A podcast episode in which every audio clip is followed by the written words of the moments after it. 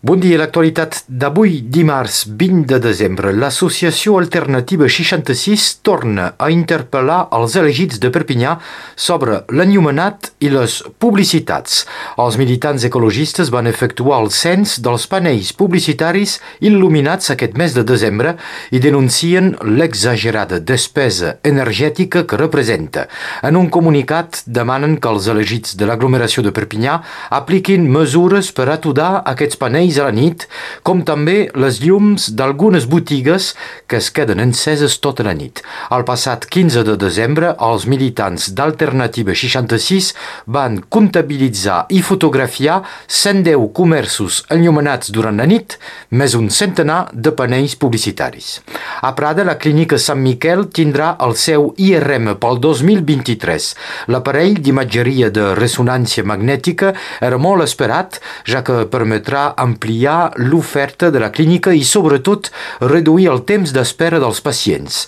L'Agència Regional de la Salut acaba de confirmar l'autorització per explotar l'IRM de Prada que ja és instal·lat i serà operacional d'aquí a pocs dies. Al Conflent, la clínica de Prada atén cada any 13.000 pacients.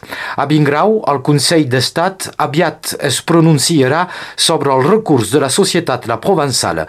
L'empresa demana la reobertura total de la pedrera de marbre blanc de nou boques. Actualment pot explotar fora que dos dels 8 hectares de la pedrera. La Frena 66 precisa que les conclusions de l'enquesta pública recomanen mantenir una extracció reduïda amb el motiu de preservar 28 espècies protegides que es troben al lloc de la pedrera. Ara caldrà veure si el Consell d'Estat segueix o no les conclusions de l'informe públic.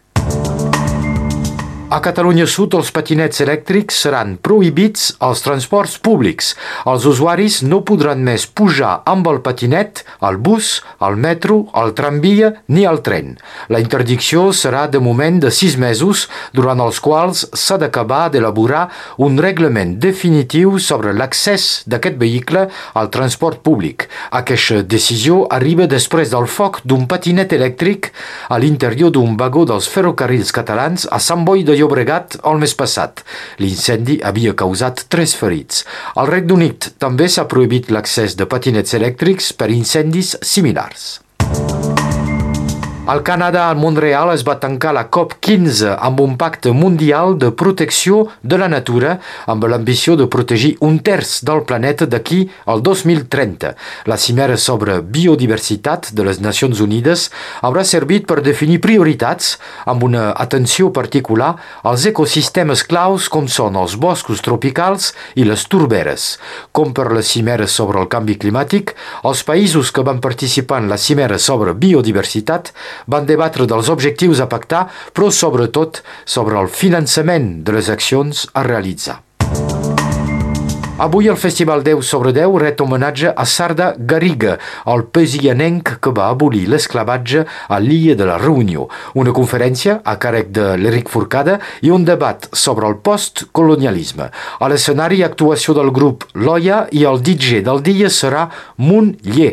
Recordem el Festival 10 sobre 10 a la Casa Musical de Perpinyà, entrada 5 euros, gratuït pels socis de la Casa Musical.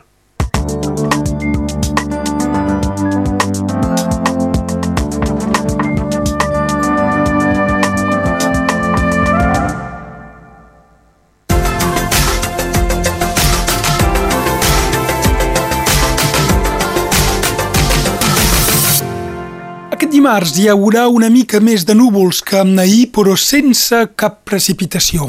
El temps serà més variable de la costa al Conflent i Vallespí, sobretot al curs de la tarda, amb el pas de núvols que no acabaran de tapar totalment el cel.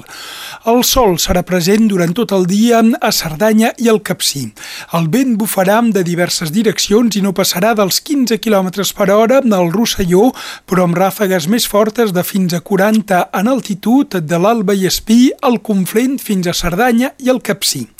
Les temperatures d'aquesta tarda s'anuncien encara suaus, ja que s'esperen 15 graus al Tec i a Salses, 13 a Palau del Vidre i Parets Tortes, 11 a la Cabanassa, 10 a Neusà i 9 graus de màxima aquesta tarda a Codalet. Per demà dimecres s'espera un temps variable, una mica més que no pas avui, i sobretot unes temperatures màximes que podran posar fins als 19 graus.